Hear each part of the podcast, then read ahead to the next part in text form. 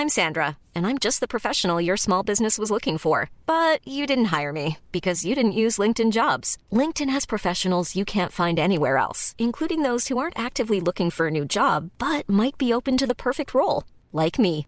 In a given month, over 70% of LinkedIn users don't visit other leading job sites. So if you're not looking on LinkedIn, you'll miss out on great candidates like Sandra. Start hiring professionals like a professional. Post your free job on linkedin.com/people today. Okay, I have two new obsessions that I need to share with you. Impress No Glue Press On Manis and Impress Press On Falsies Lashes. Trust me, these are getting ready game changers. Both require no glue, so there is no damage to your natural nails and lashes, no mess, and no annoying dry times. Just one step and you're done. Boom. Instant glam. Visit impressbeauty.com slash presson and use code PRESSON25 at checkout for 25% off Impress Manicure and Press-On Falsies. This is Paige, the co-host of Giggly Squad, and I want to tell you about a company that I've been loving, Olive June. Olive June gives you everything that you need for a salon quality manicure in one box. And if you break it down, it really comes out to $2 a manicure, which is absolutely insane. It's also so easy to get salon worthy nails at home with Olive and June. The difference between how your nails used to look when you did them yourself and now with the Manny system is a complete game changer. The best thing about Olive and June too is it's a quick dry. Dries in about one minute, lasts for five days, and full coverage in up to one to two coats. Visit oliveandjune.com slash perfectmani20 for 20% off your first system. That's oliveandjune.com slash perfectmani20 for 20% off your first system. I can discuss some of the psychological aspects of the case. You've got to get a hold of yourself. Now look here, Johnson, I'm going to get to the bottom of this. I can discuss some of the psychological aspects of the case. And you're really crazy, you know that? Oh, yes, I remember that. Is this any concern of yours? Stop, stop, stop it now. I mean it. Ja, hei, det er psykolog Sondre Livre her. Diagnosen er dessverre svært alvorlig. Viser seg at alt du tenker og føler er feil. Du må for all del ikke stole på hjernen din, den lyver. Alt du opplever er filtrert via nevroser fra ubevisste avkroker. Hvis du følger nøye med, er det en liten mulighet for at jeg kan hjelpe deg. I can discuss some of the I can discuss some of the I can discuss some of the psychological aspects of the case. Well, I'm just losing my mind, that's all.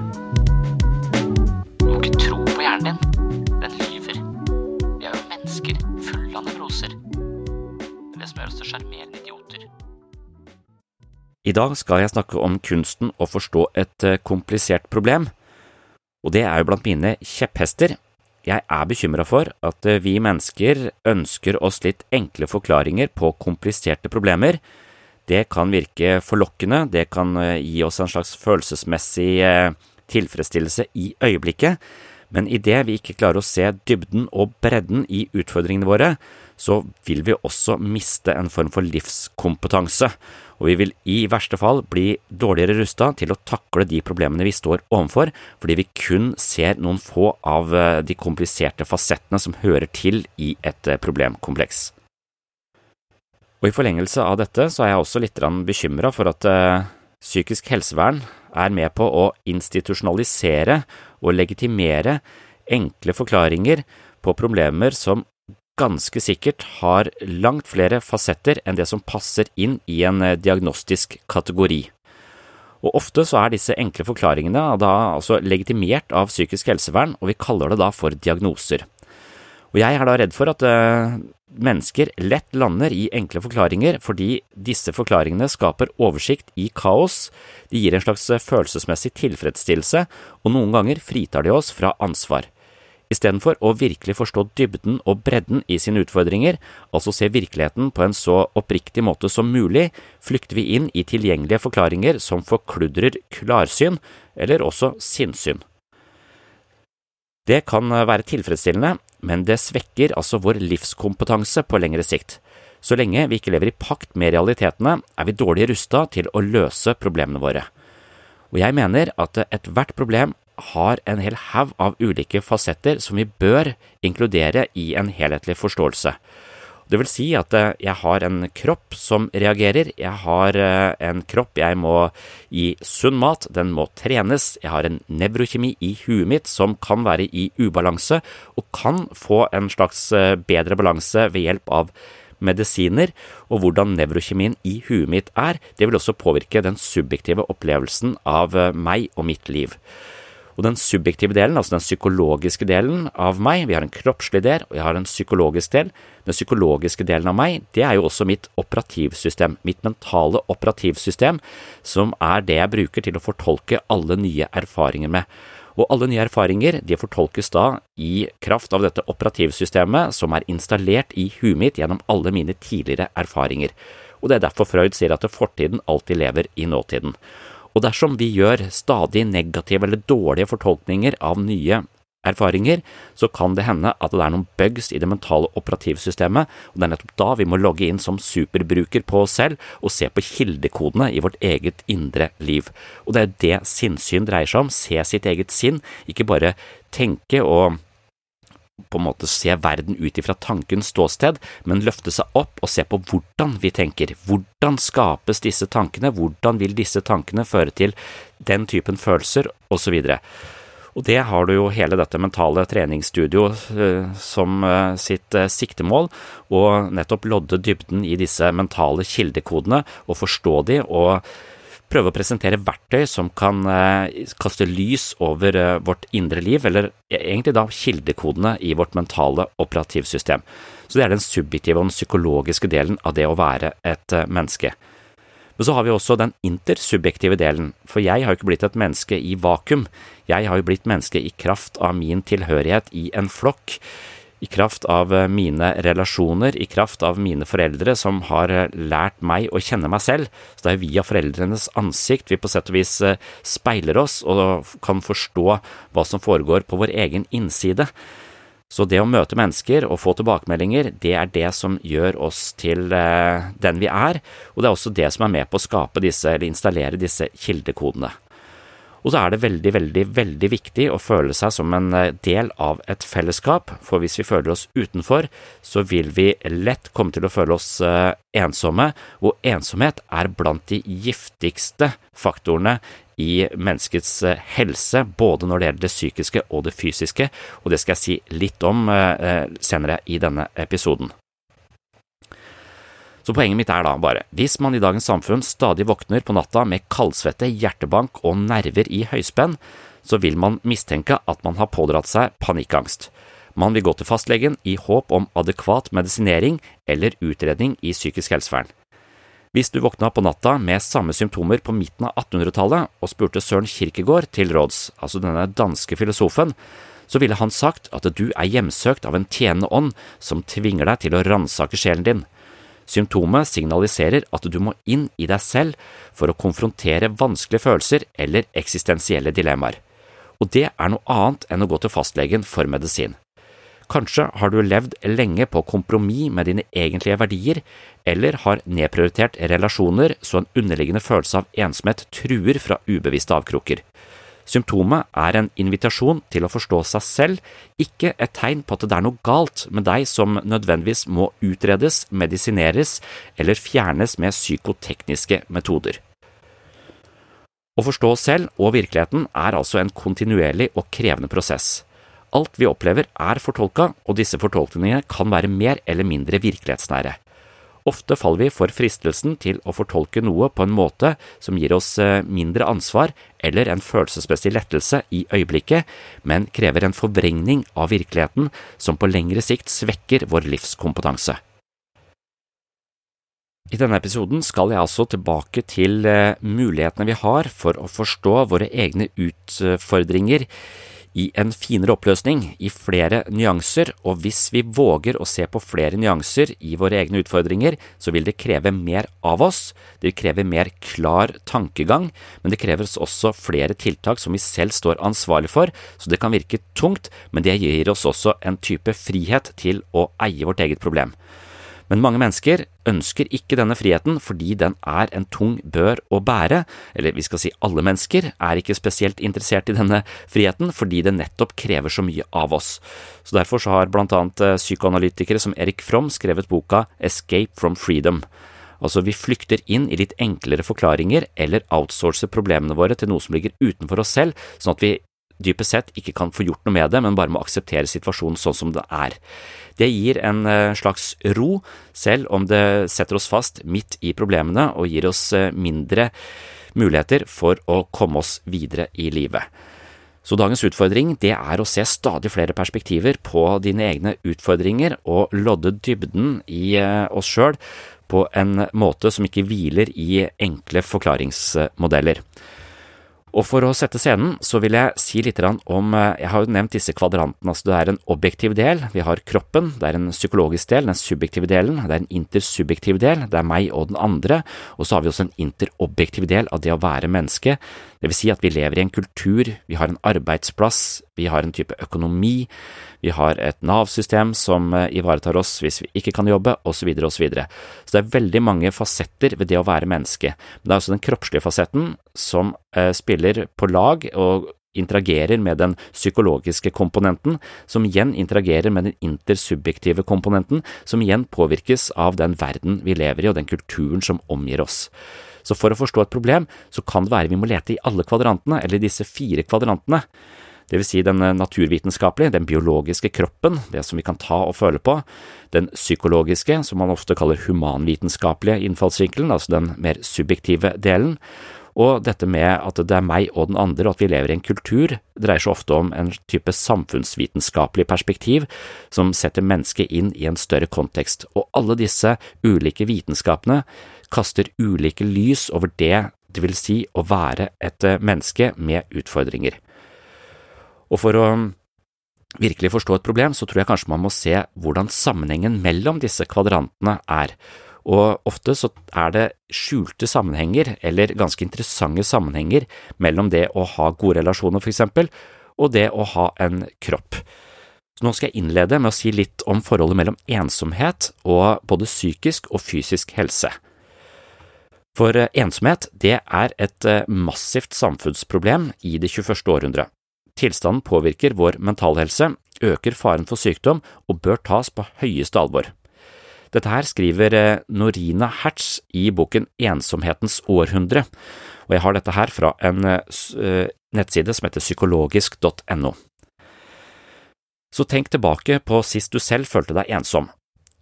Det er ikke sikkert det varte så veldig lenge, men eh, hvordan kjentes det egentlig i kroppen? Hvor kjente du ensomheten? Når vi forestiller oss et ensomt menneske, så tenker vi ofte på en som er passiv, stillferdig og dempa og når vi selv forsøker å huske hvordan det var å være ensom eller ha ensomme stunder i livet, så vil vi kanskje ikke umiddelbart erindre et hamrende hjerte, tanker som løper løpsk eller andre typiske tegn på et voldsomt eh, stress eller en voldsomt stressende situasjon. Men faktum er at eh, det å være ensom, det kan se litt passivt ut på utsida, men på innsiden så er det ofte storm. Ensomhetens kjemiske tilstedeværelse i kroppen og hormonene den sender rundt i blodårene, er i all vesentlighet identisk med kamp- eller flyktresponsen eller fight-flight-responsen vi får når vi føler oss angrepet. Det er denne stressresponsen som fyrer opp under noen av de mest lumske helseeffektene av ensomhet. Disse kan være omfattende og i verste fall dødelige. Når vi snakker om ensomhet, snakker vi altså ikke bare om ensomme sinn, men også om ensomme kropper, og de to henger naturligvis eh, sammen. Kroppen er eh, selvsagt vant til stressresponser, den opplever vi ganske ofte. En viktig prestasjon på jobben, en nestenulykke på sykkelturen og et straffespark for fotballaget vi heier på, er eksempler på vanlige stresstriggere men vanligvis vil viktige kroppsfunksjoner, puls, blodtrykk, pust osv. vende tilbake til normalen etter at den opplevde trusselen eller spenningen er over. Vi er trygge. I en ensom kropp dempes derimot ikke stressresponsene slik de skal, og kroppsfunksjonene forblir unormale over lengre tid. Når en ensom kropp opplever stress, stiger kolesterolnivåene raskere enn i en kropp som ikke er ensom, og det gjør også blodtrykket og nivåene av kortisol, altså stresshormonet. Og ikke bare det, disse momentane stigningene i blodtrykket og kolesterol bygger seg opp over tid hos den som er kronisk ensomme. Amygdala, altså en samling av nerveceller i hjernens tinningslapp som er ansvarlig for kamp- eller flyktresponsen, holder ofte faresignalet gående mye lengre enn vanlig hos ensomme mennesker. Dette fører til økt produksjon av hvite blodceller og betennelse, som i perioder med akutt stress kan være en kraftig oppkvikker, men har ødeleggende bivirkninger når det foregår over lengre tid. Og tanken her er altså at det å være ensom utenfor fellesskapet, føle at man ikke har noen bærebjelker i livet, altså i møte med livets utfordringer med en følelse av ensomhet, og da kan det godt hende at du har masse venner, men at de likevel ikke er integrert i deg og ditt selv som en slags støttespiller du kan stole på i tykt og tynt. Og hvis man ikke har det, så vil ofte følelsen av ensomhet eh, være lure i bakgrunnen et eller annet sted, og kroppen vil reagere på denne følelsen som om det er fare på ferde, og vi vil leve med et altfor høyt aktiveringsnivå over lang tid, og dette er direkte skadelig både på den fysiske og den mentale helsa vår. Og det er også den viktigste driveren i depresjon, angst og også opp mot eh, selvmordsproblematikk, altså det å være ensom. Mom deserves the best, and there's no better place to shop for Mother's Day than Whole Foods Market. They're your destination for unbeatable savings, from premium gifts to show-stopping flowers and irresistible desserts. Start by saving 33% with Prime on all body care and candles. Then get a 15-stem bunch of tulips for just $9.99 each with Prime. Round out Mom's menu with festive rosé, irresistible berry chantilly cake, and more special treats. Come celebrate Mother's Day at Whole Foods Market. When you're ready to pop the question, the last thing you want to do is second guess the ring. At Bluenile.com, you can design a one of a kind ring with the ease and convenience of shopping online. Choose your diamond and setting. When you find the one, you'll get it delivered right to your door. Go to Bluenile.com and use promo code LISTEN to get $50 off your purchase of $500 or more. That's code LISTEN at Bluenile.com for $50 off your purchase. Bluenile.com code LISTEN. Hiring for your small business? If you're not looking for professionals on LinkedIn, you're looking in the wrong place. That's like looking for your car keys in a fish tank. LinkedIn helps you hire professionals you can't find anywhere else, even those who aren't actively searching for a new job but might be open to the perfect role. In a given month, over 70% of LinkedIn users don't even visit other leading job sites. So start looking in the right place. With LinkedIn, you can hire professionals like a professional. Post your free job on linkedin.com slash people today. Så når den ensomme kroppen er i kronisk eh, aktivering og kanskje kronisk betent og immunforsvaret er overarbeida og fungerer for dårlig, blir kroppen ømfintlig for andre sykdommer som den vanligvis ville vært i bedre stand til å bekjempe, som vanlig forkjølelse og influensa. Den ensomme kroppen er også mer utsatt for alvorlige sykdommer. Hvis du er ensom, har du 29% høyere risiko for hjerteinfarkt, 32% høyere risiko for slag og 64% høyere risiko for å utvikle klinisk demens. Hvis du føler deg ensom eller er sosialt isolert, er risikoen for at du skal dø en for tidlig død nesten 30% høyere enn ellers. Selv om følgene for helsen er mer skadelige jo lenger vi er ensomme, kan også selv relativt korte perioder med ensomhet ha negativ virkning på helsen. Da en gruppe forskere ved John Hopkins University i Baltimore fulgte opp medisinstudenter over 16 år på 1960- og 70-tallet, viste forsøkspersonene et avslørende mønster. Det var mer livet. En senere studie fra 2010 av folk som hadde opplevd å være ensomme i en periode, i dette tilfellet på grunn av en spesifikk hendelse som dødsfall til en partner eller flytting til en ny by, viste på sin side at den forventede levetiden ble redusert selv om ensomheten var tidsbegrensa, i dette tilfellet med en varighet på under to år. Med tanke på den påtvungne isolasjonen de fleste av oss har opplevd i 2020 og 2021, altså under pandemien, så får dette kanskje varselklokkene til å ringe. Og det er Poenget mitt nå er bare å si at ensomhet har enorme konsekvenser, ikke bare i den intersubjektive fraværet av mennesker-kvadranten, men det vil også påvirke selve fysiologien vår og psykologien vår på dramatiske måter. Og hvis man da opplever at dette fører til en type depresjon, så kan vi kanskje i psykisk helsevern forvente en bølge av mennesker som kommer inn med depressive symptomer, og da er spørsmålet hjelper det da med samtaleterapi? Er det det som er det riktige å komme på kontor til et annet menneske en gang hver fjortende dag i ti eller tyve timer og snakke om det, eller er den absolutt viktigste intervensjonen i den intersubjektive kvadranten, altså finne ut av hvordan kan jeg koble meg på et fellesskap, hvordan kan jeg prioritere relasjoner, hvordan kan jeg eh, gjenvinne de relasjonene jeg kanskje har nedprioritert gjennom pandemien, eller blitt tvunget vekk ifra under denne pandemien, eller har jeg problemer med å inngå i betydningsfulle relasjoner, nære relasjoner? Og da kan det hende at gruppeterapi er en riktig intervensjon for å se på hva er det med deg og din måte å relatere deg til andre på, hvordan har du utviklet en mal fra tidlig alder som sørger for at du egentlig aldri kommer helt tett på andre mennesker, og dermed aldri får den helsegevinsten i å føle deg nær et annet menneske og den tryggheten det fører til, som også demper alle disse stressresponsene i kroppen. Og så kan det jo tenkes at bare ved det å være på hjemmekontor for eksempel lenge og ikke se andre mennesker, også gir oss en litt sånn slapp sosial muskel, hvor terskelen for å prioritere relasjoner plutselig blir litt høyere, og så nedprioriterer vi, og så blir vi gående på den måten en stund, helt til vi ja, møter veggen eller går på en smell, går til fastlegen og får konstatert depresjon og eventuelt medisiner. Er det da en god nok forståelse av eh, årsaksforholdet til denne depresjonen? Og det er det jeg er eh, redd for at det ikke er. Derfor så er jeg litt lei av å utrede problemer, og jeg er spesielt lei av å utrede problemer knytta til oppmerksomhetssvikt, da jeg tenker at vi jakter én nevrologisk forklaring på et veldig komplisert problem. Det kan være tusenvis av årsaker til at mennesker har problemer med å konsentrere seg, og det at vi blir forstyrra av smarttelefonen 150 ganger i løpet av en dag, kan jo være noe av det som smører en type rastløshet utover hele livet og gjør det problematisk å konsentrere seg på nesten alle arenaer.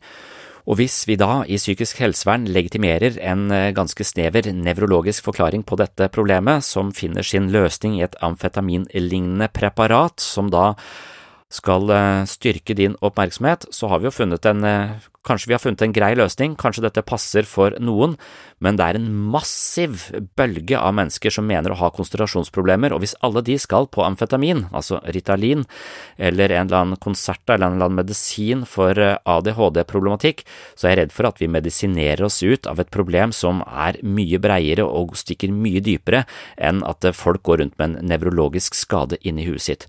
At man kan pådra seg en nevrologisk skade med måten man bruker hodet sitt på, det tror jeg er Eh, ganske eh, godt dokumentert. Vi kan jo eksempel meditere, og den delen av hjernen vår som da koordinerer informasjon fra ulike sansemodaliteter, kan øke i massetetthet, så vi kan altså trene opp vår egen oppmerksomhet, og det vil kanskje være en bedre måte å eie problemet på enn å gå til medisiner.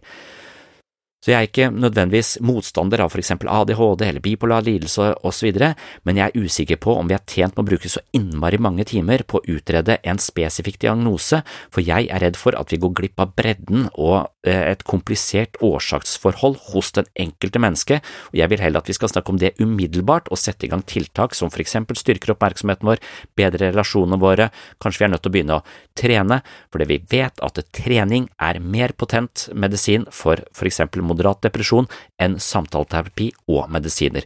Så hvorfor er ikke fysisk aktivitet et eh, obligatorisk element i en psykiatrisk behandling når man kommer inn med depresjon? Det synes jeg er merkelig, for det burde det vært. Og det er kanskje fordi vi har problemer med å se bredden og dybden i utfordringene våre, og det skal dagens episode handle om. Og du som nå trener på dette mentale treningsstudio, det er viktig at uh, en viktig del av treningsøktene er jo å være mentalt fleksibel på en sånn måte at man nettopp kan se bredden i sine egne utfordringer og se en sak fra så mange mulige vinkler som mulig. Når jeg da angriper ADHD og en del av disse mer biologisk forankra diagnosene, så virker jeg selv kanskje bombastisk, i alle fall så virker det som om folk blir ganske irriterte på meg når jeg snakker på den måten, fordi de mener at jeg undergraver mennesker som faktisk har hatt problemer med oppmerksomhetssvikt hele livet, og endelig finner en slags forklaring og forløsning i det å få en utredning, og det forstår jeg, men jeg er bare redd for at det, nå er det for mange som ønsker den forklaringen, og den forklaringen mangler også kanskje en del aspekter eller fasetter ved det å være menneske som kunne tilført denne problematikken en mye større eh, forståelse, en mye bedre forståelse, og også gitt oss mye flere verktøy til å håndtere den utfordringen på en, eh, på en annen måte enn kun med medisiner. For i dag så er det stort sett medisiner, eventuelt et kurs om hvordan leve med ø, oppmerksomhetsproblematikk. Så det var det jeg ville si innledningsvis til dagens episode. Nå kommer en time hvor jeg banker løs på snevre forklaringsmodeller og ønsker å sette fokus på bredden og dybden i menneskets psykologi, og hvis du tenker at det jeg eh, utbasunerer om for eksempel ADHD er direkte feil eller eh, ikke stemmer overens med din erfaring, så er det helt riktig, for alt jeg tenker og føler er jo feil eller bare delvis riktig. Så det er jo ikke tro fullt og fast på én bestemt forklaringsmodell som er min kjepphest, men leite i alle kvadrantene for å finne et uh, så bredt uh, forståelsesgrunnlag som mulig, for det mener jeg gir oss bedre livskompetanse og mer kapasitet til å løse kompliserte problemer som er en del av det å være et menneske. Velkommen til en ny episode av Sinnsyn her på Sinnsyns mentale treningsstudio. Jeg oppfatter at temaet var det er mange måter å få det bedre på, liksom, eller at det er mange perspektiver på psykisk helse. Men jeg syns kanskje det er det viktigste temaet, egentlig, da, innenfor eh, dette feltet. Syns jeg det er eh, interessant å tenke om det. Og så hadde jeg en dårlig dag på fredag. Da satt jeg i inntaksteam. Og så har jeg en bedre halvdel som jobber i barne- og ungdomspsykiatri. Og så det, ligger det i kulturen en slags sånn saliggjørende forventning om hva en utredning skal føre til. Og vi bruker enorme ressurser på å utrede problemer. Og særlig barn og ungdom så vil nesten halvparten av barna vil det komme spørsmål er det ADHD. Og det er på henvisninga. Når de da kommer inn, så vil det spørsmålet dukke opp i 80 av tilfellene. Liksom. Så, det, så det øker, så, og det er så omfattende å finne ut av. Så det virker som om hver sånn mangel på tilpasningsdyktighet skal uh, ha en nevrologisk årsak. da og at vi bruker veldig mye energi på å jage denne nevrologiske årsaken til oppmerksomhetsforstyrrelser. Og det er så mange henvisninger fra fastleger på mennesker som syns det er vanskelig å konsentrere seg om kjedelige ting. Og tenker, ja, men det er jo det. Du er jo veldig unormal hvis du syns det er veldig lett å konsentrere deg om kjedelige ting. Jeg kan ikke forstå at vi har sykeliggjort problemet med å holde konsentrasjonen på kjedelige, på kjedelige ting. Så så kommer det så mange av de. Det er så utrolig masse henvendelser på mennesker som ønsker å utredes for, eh, for ADHD. Og så tenker jeg det er en million årsaker til at vi opplever oss selv som rastløse. At vi opplever at vi sliter på konsentrasjon, hukommelse osv. Det er så tusenvis av årsaker som kan lede opp til det. Men likevel så er det så innmari mange som vil identifisere seg med dette ADHD-nevropsykologiske perspektivet. Og så lurer jeg på hva det hva det dreier seg om. Og så kan jeg tenke at men jeg kan komme på så mange andre forklaringer. Vi har vært inne på dette med smarttelefonen. altså han Sargarnek, eller hun, eh, Sargarnek fra, fra, Russland, som sier at hjernen tolker jo distraksjoner som uh, ufullendte oppgaver og reagerer med en mild angst. Og når vi da ser på telefonen så mye i løpet av dagen, 150 ganger i gjennomsnitt, så, så vil vi kanskje smøre en slags mild angst og rastløshet og konsentrasjonsproblematikk utover hele livet.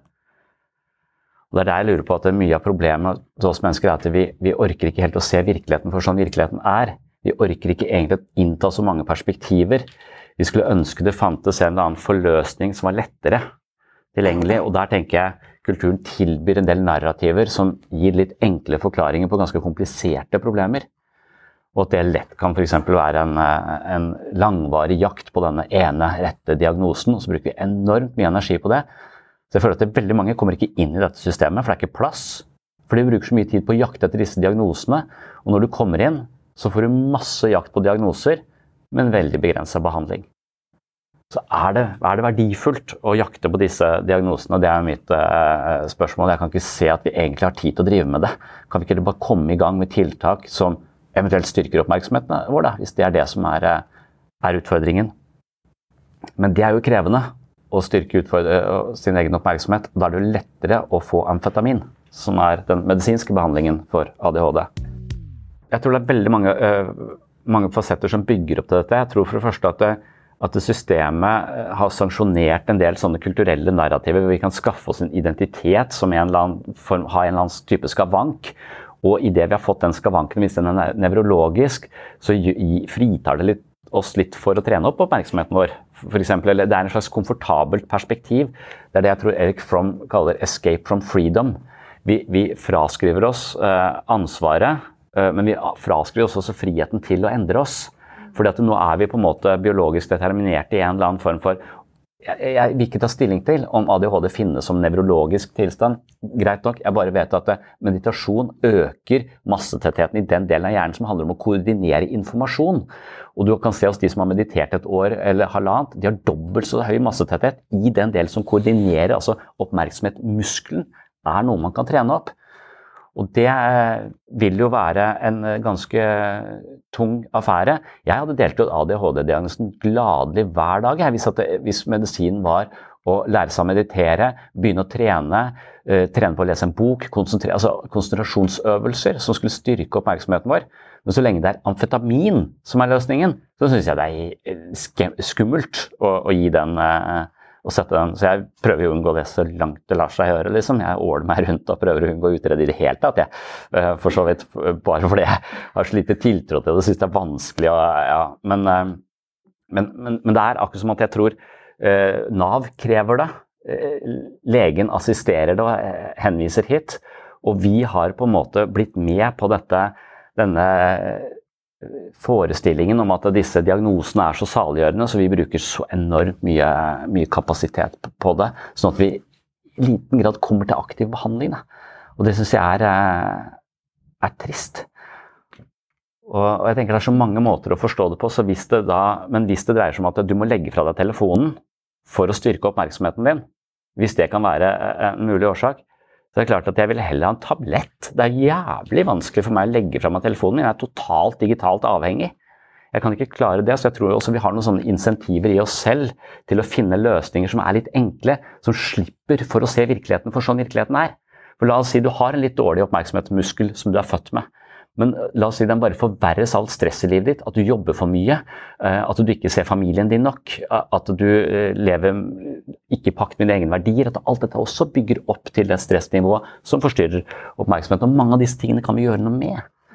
Og det å ha flere sånne perspektiver på, på hva et problem dreier seg om, og våge å se de virkelighetsnære perspektivene, det tror jeg er en utfordring for, for mennesker. Nei, jeg, jeg, vil ikke for enhver pris uh, unngå det, men jeg mener kanskje at det er en sånn type bruk av tid som er å leite etter løsningen på et problem i et ganske snevert område, hvor problemet sannsynligvis er så mangefasettert at det å fokusere på bare dette området, det vil ikke løse problemet i det hele tatt. Og det du hørte her, var kun et uh, bitte lite utdrag fra en episode på halvannen time om kunsten å forstå et uh, komplisert problem. Og hvis du vil høre hele denne episoden og forstå litt mer av hva jeg mener med dette kartet over det mentale terrenget, så kan du gå til patron.com for slash sinnssyn og tegne et abonnement på mitt mentale treningsstudio. Hvis du jobber i en bedrift, i en kommune, i en eller annen organisasjon hvor eh, man kunne tenke seg et bedriftsmedlemskap på Sinnsyns mentale helsestudio, så er det også tilgjengelig nå, og da kan man gå inn på webpsykologen.no og klikke seg inn på en brosjyre jeg har laget der, hvor det er kontaktinformasjon om det å ha et bedriftsmedlemskap. Og Hvis man har et bedriftsmedlemskap, så har man ofte flere som hører på de samme episodene, og så kan man diskutere tematikken for eksempel i lunsjen, og da kan man risikere å få et fokus på sitt indre liv, man kan risikere å få et fokus på hvordan man fungerer sammen på jobben, hvordan man kan forstå utfordringer man har på hjemmebane, konflikter med partner etc., etc., og for å kunne forstå dette, så må man klare å orientere seg i det psykologiske landskapet. Og blant de aller viktigste øvelsene på Sinnsyns mentale helsestudio er evnen til å lese kart altså lese dette kartet over vårt eh, psykologiske og eksistensielle liv, sånn at vi vet hvilken kvadrant og hvilken eh, retning vi skal gå i for å finne gode løsninger på de utfordringene vi har på jobb, de vi har på hjemmebane, de vi har med venner, de vi har med indre uro, eksistensiell angst etc., etc. For ethvert symptom er ofte bare en slags pekepinn på at det er et eller annet som ikke er helt godt justert i vårt indre liv eller i måten vi lever livet på, og for å kunne problemsøke på en god måte, så er det lurt å ha et kart over ulike fasetter ved det å være menneske. Så derfor så er dette blant de viktigste episodene, synes jeg, på et mentalt helsestudio, og hvis du da er interessert i å høre hele dette foredraget om kunsten å forstå et komplisert problem, så er det da episode 49 inne på Patron eller på dette Sinnsyns mentale helsestudio for bedrifter. Så der kan du gå til episode 49, og den episoden heter da Kunsten å forstå et komplisert problem. Og ved å tegne et abonnement på dette helsestudioet, så vil du da åpne for i hvert fall 49 ekstra episoder av Sinnssyn, en hel haug av øvelser, bøkene mine som lydbøker og mye, mye mer. Det det jeg hadde for denne gang. Håper å se deg som medlem på Helsestudio. Eller så får du følge med her på Den åpne podden, for det kommer hvert øyeblikk en ny episode. Tjallabais! Oh, I'm just losing my mind, that's all.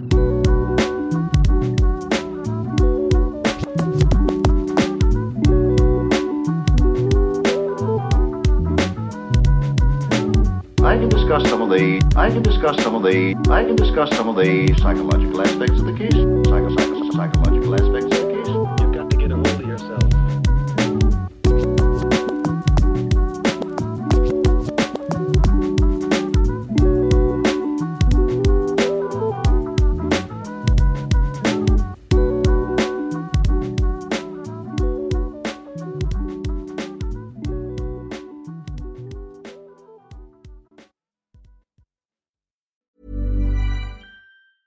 Hi, I'm Daniel, founder of Pretty Litter. Did you know cats tend to hide symptoms of sickness and pain? I learned this the hard way after losing my cat, Gingy. So I created Pretty Litter, a health monitoring litter that helps detect early signs of illness by changing colors, saving you money and potentially your cat's life. Pretty Litter is veterinarian developed, and it's the easiest way to keep tabs on your fur baby's health right at home. Go to prettylitter.com and use code ACAST for 20% off your first order and a free cat toy. Terms and conditions apply. See site for details. Planning for your next trip? Elevate your travel style with Quince. Quince has all the jet setting essentials you'll want for your next getaway, like European linen, premium luggage options, buttery soft Italian leather bags, and so much more. And is all priced at 50 to 80% less than similar brands. Plus, Quince only works with factories that use safe and ethical manufacturing practices. Pack your bags with high-quality essentials you'll be wearing for vacations to come with Quince. Go to quince.com slash pack for free shipping and 365-day returns. Flexibility is great. That's why there's yoga. Flexibility for your insurance coverage is great too. That's why there's United Healthcare Insurance Plans. Underwritten by Golden Rule Insurance Company, United Healthcare Insurance Plans offer flexible, budget-friendly coverage for medical, vision, dental, and more. One of these plans may be right for you if you're, say, between jobs, coming off your parents' plan, turning a side hustle into a full hustle, or even missed open enrollment. Want more flexibility? Find out more about United Healthcare Insurance Plans at uh1.com.